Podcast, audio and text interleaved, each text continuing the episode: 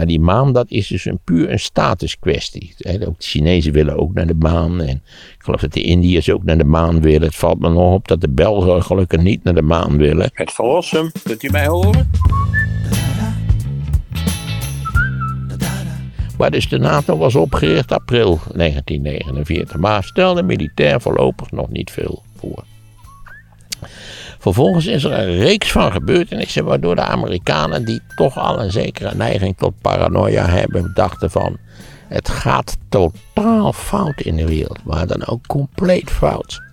En eh, dat, is, dat begint in 1949 met het feit dat in 1949 natuurlijk de communisten in China de macht overnemen. En de nationalisten, Chiang Kai-shek en zijn konuiten, die vluchten naar Taiwan. En nou, China plotseling zijn 700 miljoen mensen, die zijn, toen waren het nog maar 700 miljoen, die zijn plotseling communistisch geworden. Dat waren ze natuurlijk helemaal niet, maar, maar zo, dat was het denken eigenlijk. Dat was punt 1. Punt 2, wordt duidelijk eh, uit allerlei metingen dat de Russen hun eerste atoombom hebben laten ontploffen. Ik meen augustus, september 49. Een schok voor de Amerikanen, potverdomme. We hadden eigenlijk gedacht dat het monopolie op die bom, dat dat nog jaren en jaren zou duren. En ineens blijken de Russen het ook te kunnen. Het, het was voor de Amerikanen eigenlijk altijd, we komen aan meerdere van deze schokken in de loop van dit verhaal. Het was voor de Amerikanen altijd een, een verschrikkelijke schok als bleek dat de Russen twee en twee bij elkaar op konden tellen. Dat, dat, dat, dat, was, in principe konden ze niks, maar nou. Denk later aan de Sputnik, een schok waar de Amerikanen jarenlang half bewusteloos van zijn geweest. Zo erg was het eigenlijk. Dat die Russen zo'n raket en zo'n satellietje hadden kunnen lanceren voordat de Amerikanen dat hadden gepresteerd. Maar goed, dat was ook met die atoombom zo. En vervolgens een hele ongelukkige ontwikkeling. Uh, valt Noord-Korea onder leiding van Kim Il-sung, de opa van die ongelukkige die er nu zit, zal ik maar even zeggen, die opa van die dikke jongen. Ik weet niet of je nog van een jongen kunt spreken. Zijn vader was ook al niet veel zaak. En ook hij is afgevallen. Is hij afgevallen? Ja. Jongen, jongen, jongen, dat is wel indrukwekkend. Ik weet niet of er een verband is met Trump, dat ze samen een cursusje of een programma hebben. Nou ja, ze houden van elkaar, zoals je weet. Ze hebben elkaar een soort halve liefdesbrieven geschreven. Dus misschien dat ze een, ja, dat ze een, een bond hebben gevormd van, van waardeloze dictators of potentiële dictators die van plan zijn om af te vallen, omdat ze terug willen komen. Hè? We'll be back. Hè? I'll be back. Uh, zei Schwarzenegger. Ik ben vergeten in welke film. Uh, ja, Noord-Korea viel Zuid-Korea aan. Dat was een, een lokale affaire. Dat wil zeggen, die, die dictator in Noord-Korea, Kim Il-sung, dus de opa van die dachten van dat Zuid-Korea zo'n jamboel, dat, dat kan ik eigenlijk best inpikken. Vooral omdat de Amerikanen hadden gezegd, ja, strategisch zijn we daar totaal niet in geïnteresseerd. Ja, knap, stom natuurlijk, maar goed, dat hadden ze gezegd. Edson had dat gezegd, minister van Buitenlandse Zaken. Eh, maar het was een lokale affaire, zonder meer. Eh, Stalin had ook, ook die Kim Il-sung had ze aan Stalin alsmaar gevraagd, mag ik dat doen, kan ik dat doen? En Stalin zei van, uh, ik, ik help je niet, eh, ga je gang maar. Ik doe liever niet, maar ga je gang dan maar als het moet. Nou, zulks is gebeurd. Ik zal zo even vertellen hoe het, eh, hoe het afloopt.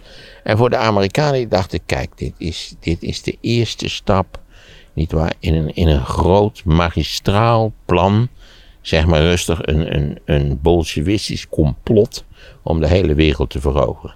Als we nu niet reageren, dan gaan ze, zoals Zuidoost-Azië, ook in communistische handen vallen. Denk aan Vietnam, daar komen we nog over te spreken.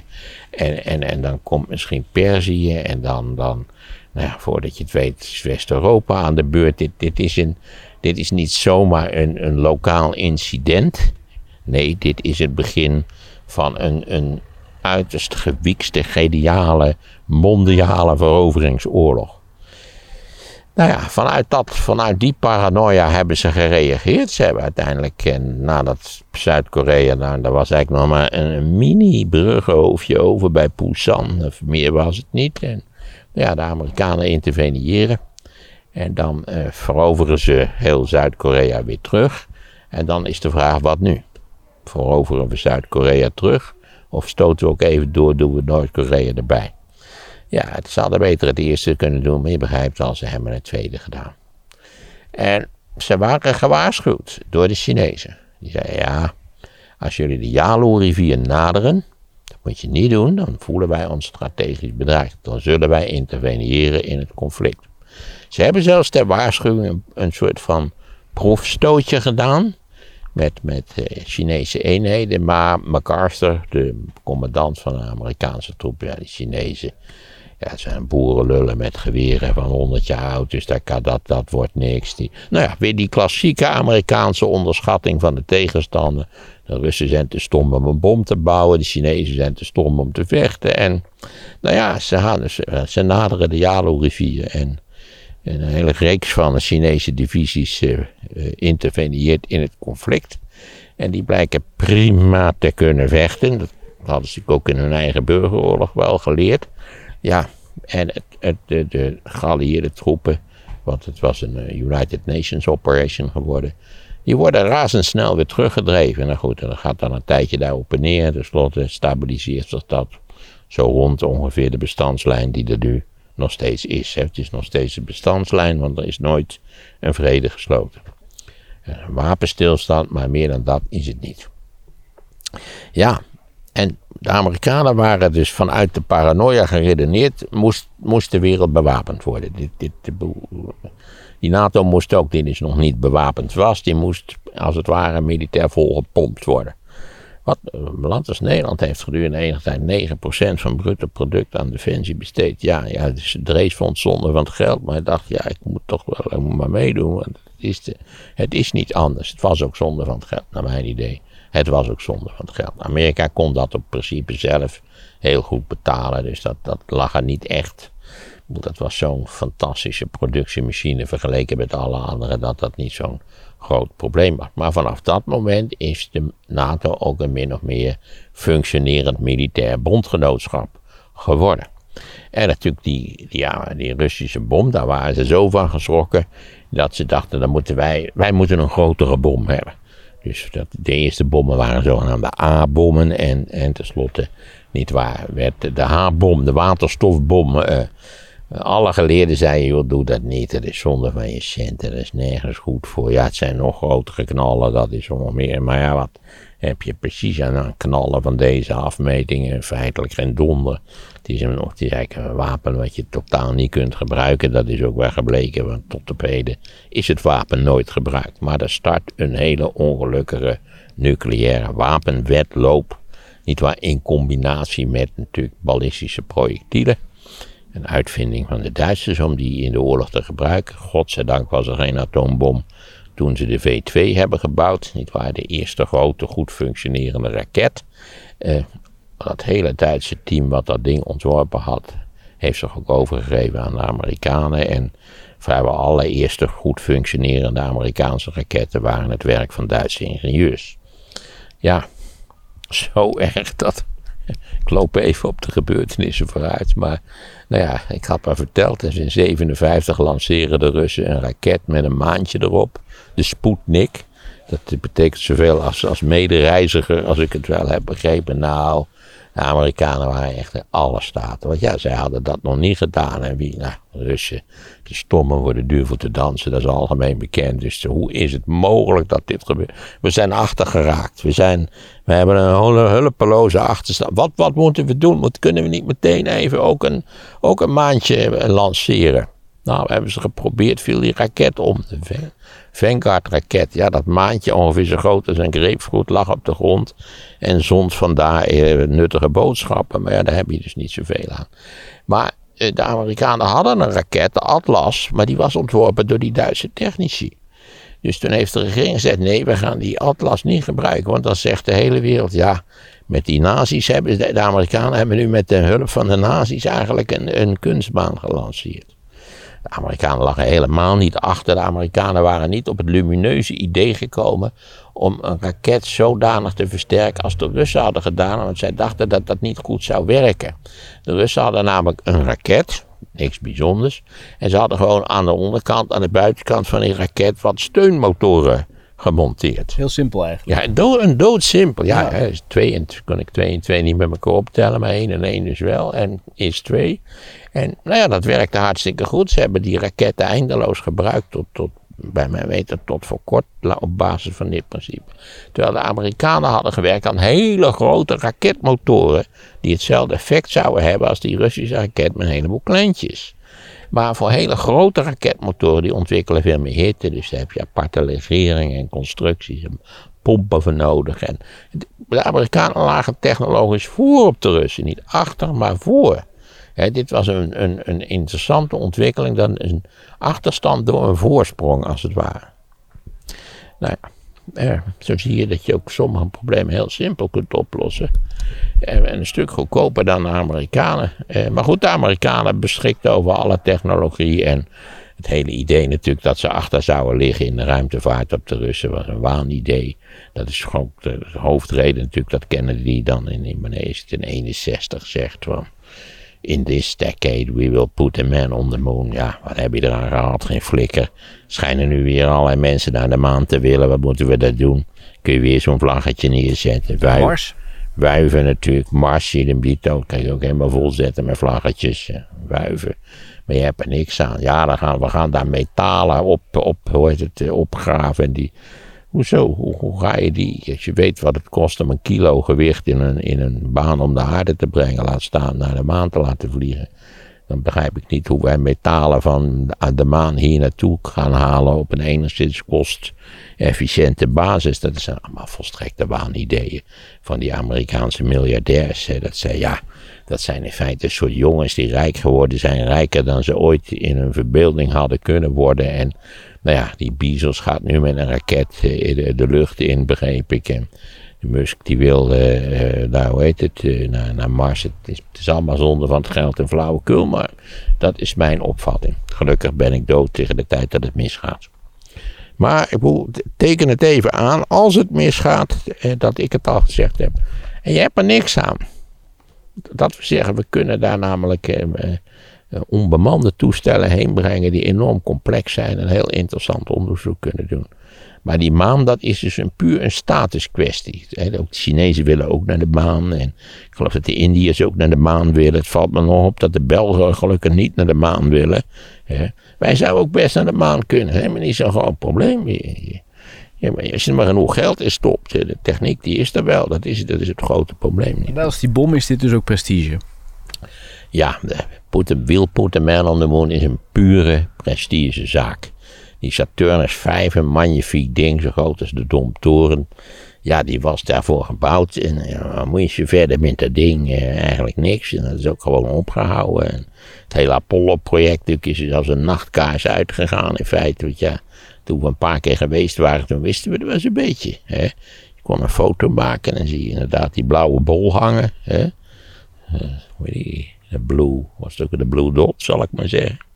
Ja, we zijn afgedwaald, maar dit, dit is wel interessant in verband met het feit dat die Koude Oorlog als een, als een militair conflict en als een bewapeningswetloop en ook als een nucleaire bewapeningswetloop, dat begint dus in 49 en in 50.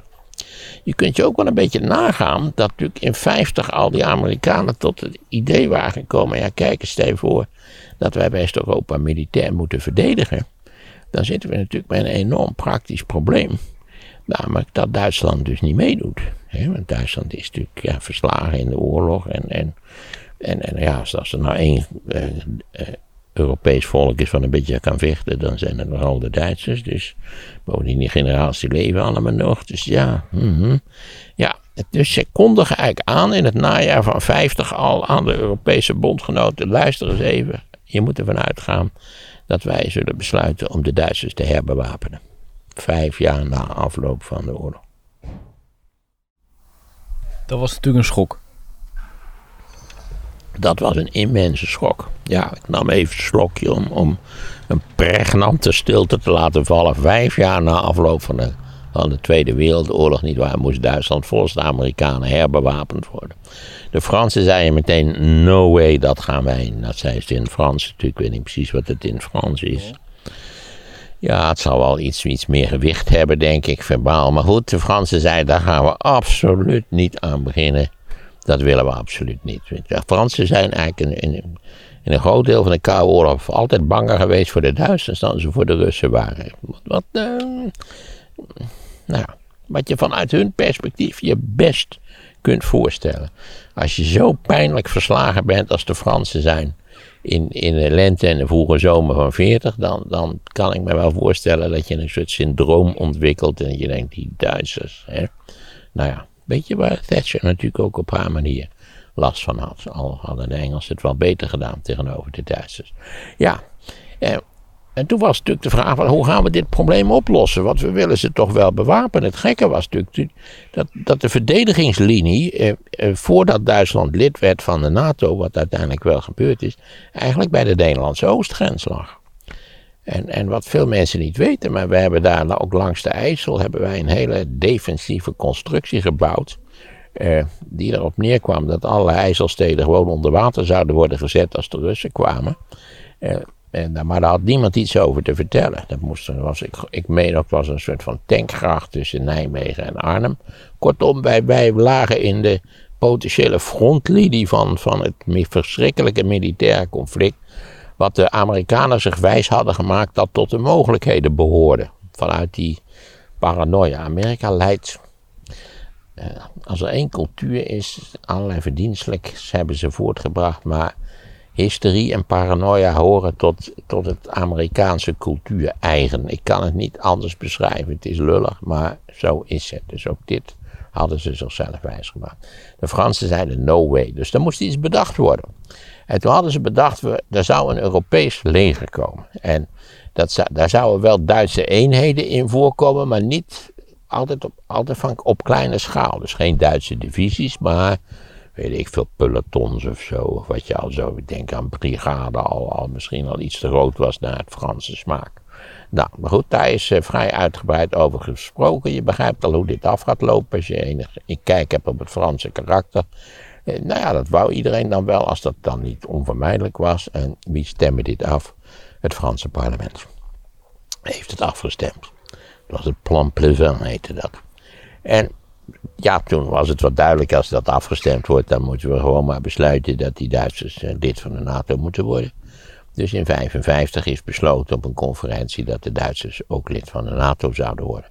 En dat er dus een Bundesweer zou worden ontwikkeld, die overigens pas klaar was. We waren alweer tien jaar verder, ergens in de tweede helft van de jaren 60.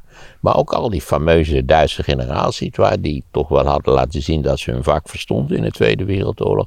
Die zijn deels weer in dienst getreden van de NATO. Manstein en Speidel. En daar was ook wel veel, heel veel mensen die daar grote bezwaren tegen hadden. Maar nou ja, kijk, als je de vraag stelt, waar halen we zo gauw een militair vandaan die er echt verstand van heeft? En dat kan je alleen bewijzen door echt te vechten. Dat waren natuurlijk Duitse generaals. Dus die hebben, die hebben daar in die, in die voorbereiding van die Bundesweer, maar ook wel in de top van de NATO een zekere rol gespeeld. We zijn nu in 55 gearriveerd. Ehm, maar we hebben één belangrijke gebeurtenis die hebben gewist, namelijk de dood van Stalin. Stalin overlijdt in maart van het jaar 1953 op gruwelijke wijze. Ja, als er iemand gestraft is voor zijn zondes, dan was Stalin in zijn laatste dagen. Ik ga dat niet uitgebreid uitleggen. Iedereen moet, dat is nuttig bij lezingen, dat je daarnaar luistert, dat hier dan ook nog een, een verdieping mogelijk is. Door, zoek even op hoe Stalin aan zijn eind geraakt is, want het is aangrijpend, ik kan het niet anders zeggen. Als je zoveel wantrouwen hebt gecreëerd, ook bij je naaste medewerkers, dan kan het heel slecht met je aflopen. Zij dat dat maar een paar dagen geduurd heeft. Oké, Stalin is dood, wat nu? Stalin werd toch wel gezien als de boeman die deels verantwoordelijk was voor het feit dat, dat er eigenlijk een, uh, ja, opnieuw een soort gewapende vrede was ontstaan eh, tijdens die eh, eh, begin van de Koude Oorlog. En nou ja, het is ook wel duidelijk dat Stalin's opvolgers toch op een aantal punten wel bereid zijn om een heel eind te gaan. Uh, de vraag is ook altijd, hebben we toen een kans gemist? Uh, het was natuurlijk ook een soort van opvolgingsstrijd in de Sovjet-Unie. Het duurde even voordat we wisten wie daar de baas zou worden. Maar bijvoorbeeld Malenkov en Beria, die, uh, die zagen wel wat in een herenigd Duitsland. Maar dat zou dan geneutraliseerd moeten worden. Waarschijnlijk zou dat ook toch door het Westen zijn afgewezen. Want natuurlijk een geneutraliseerd Duitsland midden in Europa is natuurlijk ook een instabiele factor, eerste klas. Dus het zou er waarschijnlijk niet van gekomen zijn. Maar het geeft wel aan dat Stalin's opvolgers wel een zekere flexibiliteit vertoonden tenslotte wordt die opvolgingsstrijd in de Sovjet-Unie wordt gevonden door Khrushchev. En eh, nou ja, die, die was wel bereid om op een redelijke basis met het Westen te spreken. Dus je ziet wel dat, laten we zeggen, halverwege de jaren 50 een zekere ontspanning ontstaat. Eh, de, de leiders van, van Amerika en de Verenigde Staten ontmoeten elkaar ook in Genève. Ideale ontmoetingsplaats. Ik geloof dat eh, nu weer Poetin en Biden ook weer in Genève. Ja, kennelijk. eh, ja, ook voor mensen die misschien huwelijksconflicten hebben. Dat je, zegt- dat je zegt van nou we gaan twee weken naar Genève. Eens kijken of we hier de zaken bij kunnen leggen. Wie zal het zeggen, helpt het? Het Genève. The Spirit of Geneva heette het toen. Maar wat, is, wat was het dat, dat het dus wel versoepelde, de relaties, maar dat de Koude Oorlog nog niet voorbij was? Nee, nee, de Koude Oorlog is, heeft langdu is langdurig gewoon doorgegaan. Maar je kunt een oorlog voeren voortdurend op het scherp van de snede. In een soort van permanente alarmfase. Maar je kunt ook afspreken met elkaar. Weet je wat we doen? We, we spreken een soort regelsysteem af. Je kunt twee teams, sportteams, die kun je in het veld sturen en zeggen: jongens, alles mag. Kan niet verdomme wat, alles mag. Als je, als je ze de poten breekt, als je ze bewusteloos slaat, dat, eh, dat kan allemaal, kan allemaal, alles is toegestaan. Nee, dat, dat is, ja, sommige sporten maken wel die indruk, maar zelfs die zijn gereguleerd. American rugby bijvoorbeeld, dat is toch wel gereguleerd geloof ik. Maar neem het voetbalspel, daar is ook een man die loopt daarbij met een fluitje. En daar is een heel ingewikkeld regelsysteem, wat, daar moet je aan houden. Als je zo niet, dan, als je, het één keer niet doet, dan krijg je een gele kaart. Nou ja, zo, je ziet ook dat de Koude Oorlog, daar komen we ook nog gedetailleerd over te spreken, in een zo'n soort van systeem verandert. Competitie, ja, maar we reguleren de competitie, zodat we in feite zekerheden hebben, zodat we ook met elkaar, is heel belangrijk, in gesprek blijven. Hè? Ik wijs eventjes ook op de tijd. Dan, Oh, eh, jeetje. want we, we- is natuurlijk heel interessant. Eh, we zijn nu ruim een uur zijn we Oh, onderweg god, met het dus onderwerp. dat, gaan we, dat gaat niet lukken. Nou, we- Moeten, moeten we een tweede opname maken, is dat niet een idee? ja, dat kan ook. Dat kan ook. Dan maken we een tweede opname. Maar dan Dan gaan moeten we even door nu tot even kijken, de Spirit of Geneva. Ja, ja, laten we dat maar doen. We zijn nu een uur bezig, Ja, we zijn nu een uur bezig. dus het is eh, kwart voor zes of zo. Ja, iets later zelfs al. Oh, oh, oh, oh. Nou, dan stoppen we met de Spirit of Geneva. Eh, uit wat, wat er nu zich ook gaat afspelen is heel interessant op zichzelf. Dat is een nieuwe leider in de Sovjet-Unie. En die houdt een grote reden op het 20e partijcongres van de Sovjet-Communistische Partij. En die zegt, ja, die Stalin, hè, weliswaar zijn wij allen hier creaturen van Stalin, maar die Stalin heeft de boel compleet verpest. En we moeten een hele andere koers varen. Die repressie en die, en die strafkampen en al die dingen, dat moet allemaal een stuk minder. Dat zegt hij in 56 op het partijcongres. Met als gevolg dat dat onmiddellijk leidt tot het gevoelens in Oost-Europa. Nog steeds door de Rode Leger bezet natuurlijk van.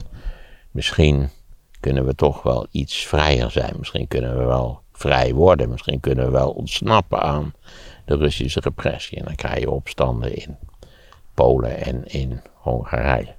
Daar op dat punt gaan we dan de volgende keer door. Dus Duitsland is nu lid geworden van de NATO. Er is sprake van een bewapeningswetloop, die gaat alsmaar door. Maar tal van mensen beseffen dat je afspraken moet maken. Dat je niet de zaak volledig op zijn beloop kunt laten. Dat je moet weten wat de andere ongeveer denkt en zou willen afspreken. Eh, maar daar zijn regelmatig, komt er een kink in de kabel. Steeds is tijdens de Koude Oorlog de vraag: zijn we, zijn we en blijven we met elkaar in gesprek? Of, of is, is het antagonisme zo groot dat, dat we van beide kanten de andere partij totaal niet vertrouwen? Dat zijn altijd de gevaarlijkste momenten in de loop van de Koude Oorlog. Dat, eh, op, op een volgend moment daar meer uitgebreid over. Misschien wel voor de mensen even toch het einde, eh, heel kort. Hoe, wanneer kwam het ten einde en waarom kwam het ten einde, de Koude Oorlog?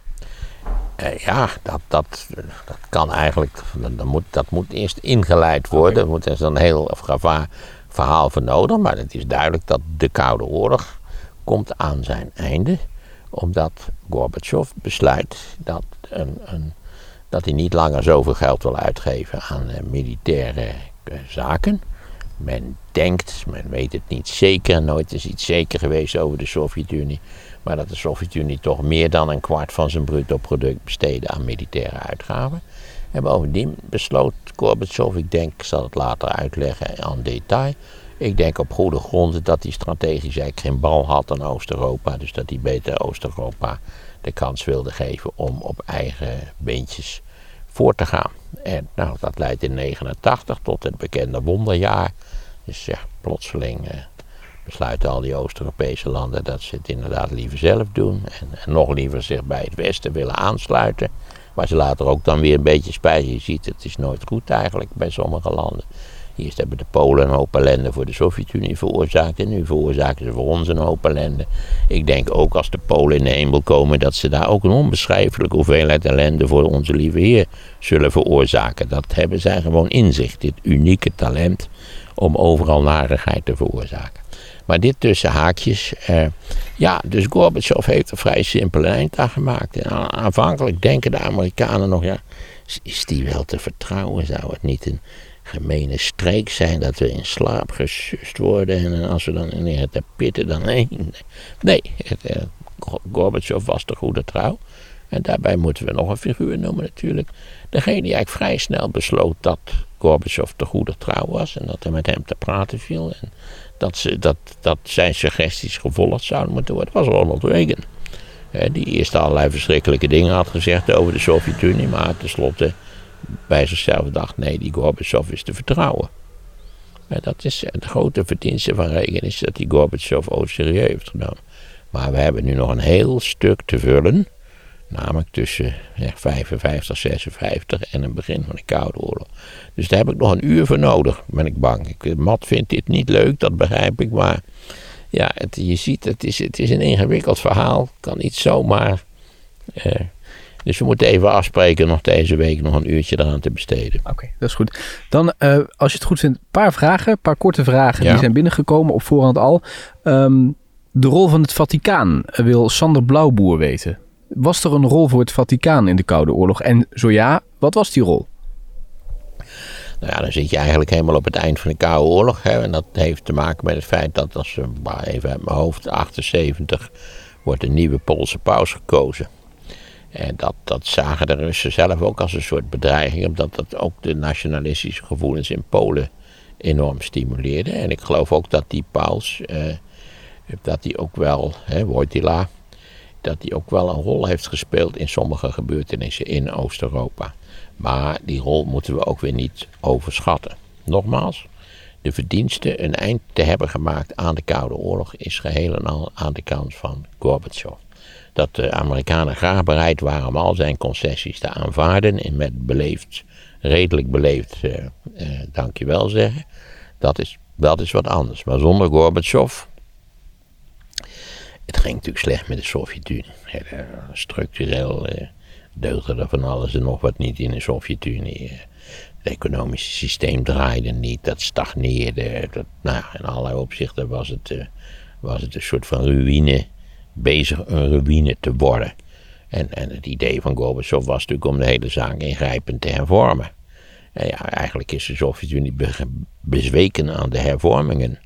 Het is een beetje alsof je een, een bouwval koopt, hè, wat je vaak ziet in dat programma Ik ga weg of ik vertrek, of hoe heet het ook weer. Dan kopen ze een bouwval in Italië. En dan gaan ze die bouwval die gaan ze renoveren. En dan zie je vaak dat het een zodanig ernstige bouwval is dat als je een van de verrotte balken weghaalt, dan stort de hele boel in elkaar. En dan gaat altijd die vrouw die erbij hoort, die gaat altijd zitten huilen.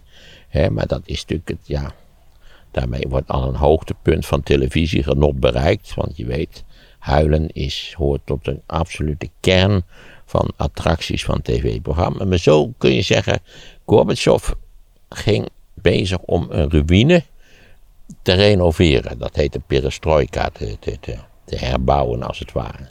Te herstructureren. En nou ja, dat heeft het ding. Ik moet zeggen, zijn, zijn hervormingen waren ook halfslachtig en, niet al te goed doordacht. En, maar goed, het, het, is een beetje toch de bouwval die gerenoveerd wordt en, en die bezwijkt onder, onder de bouwkundige activiteiten Oké. Dan nog één laatste vraag. Ik zal nog eventjes kijken. Uh, dat heeft te maken met de, um, uh, met, met de landen in Oost-Europa.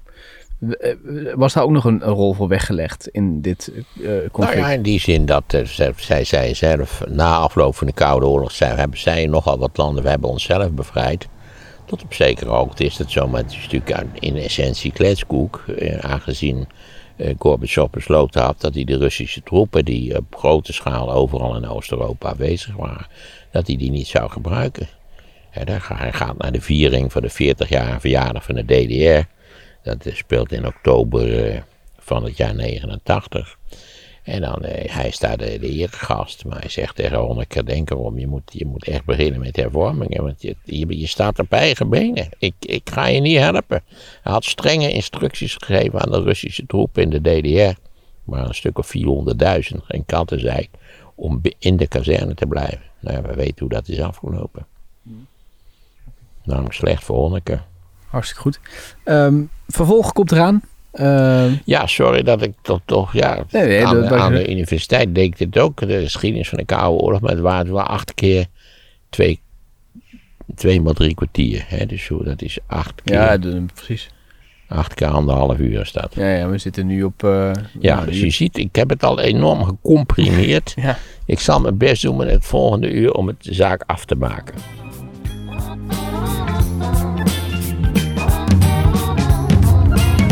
Oh, oh, oh, oh. Nou, dan stoppen we met de Spirit of Geneva.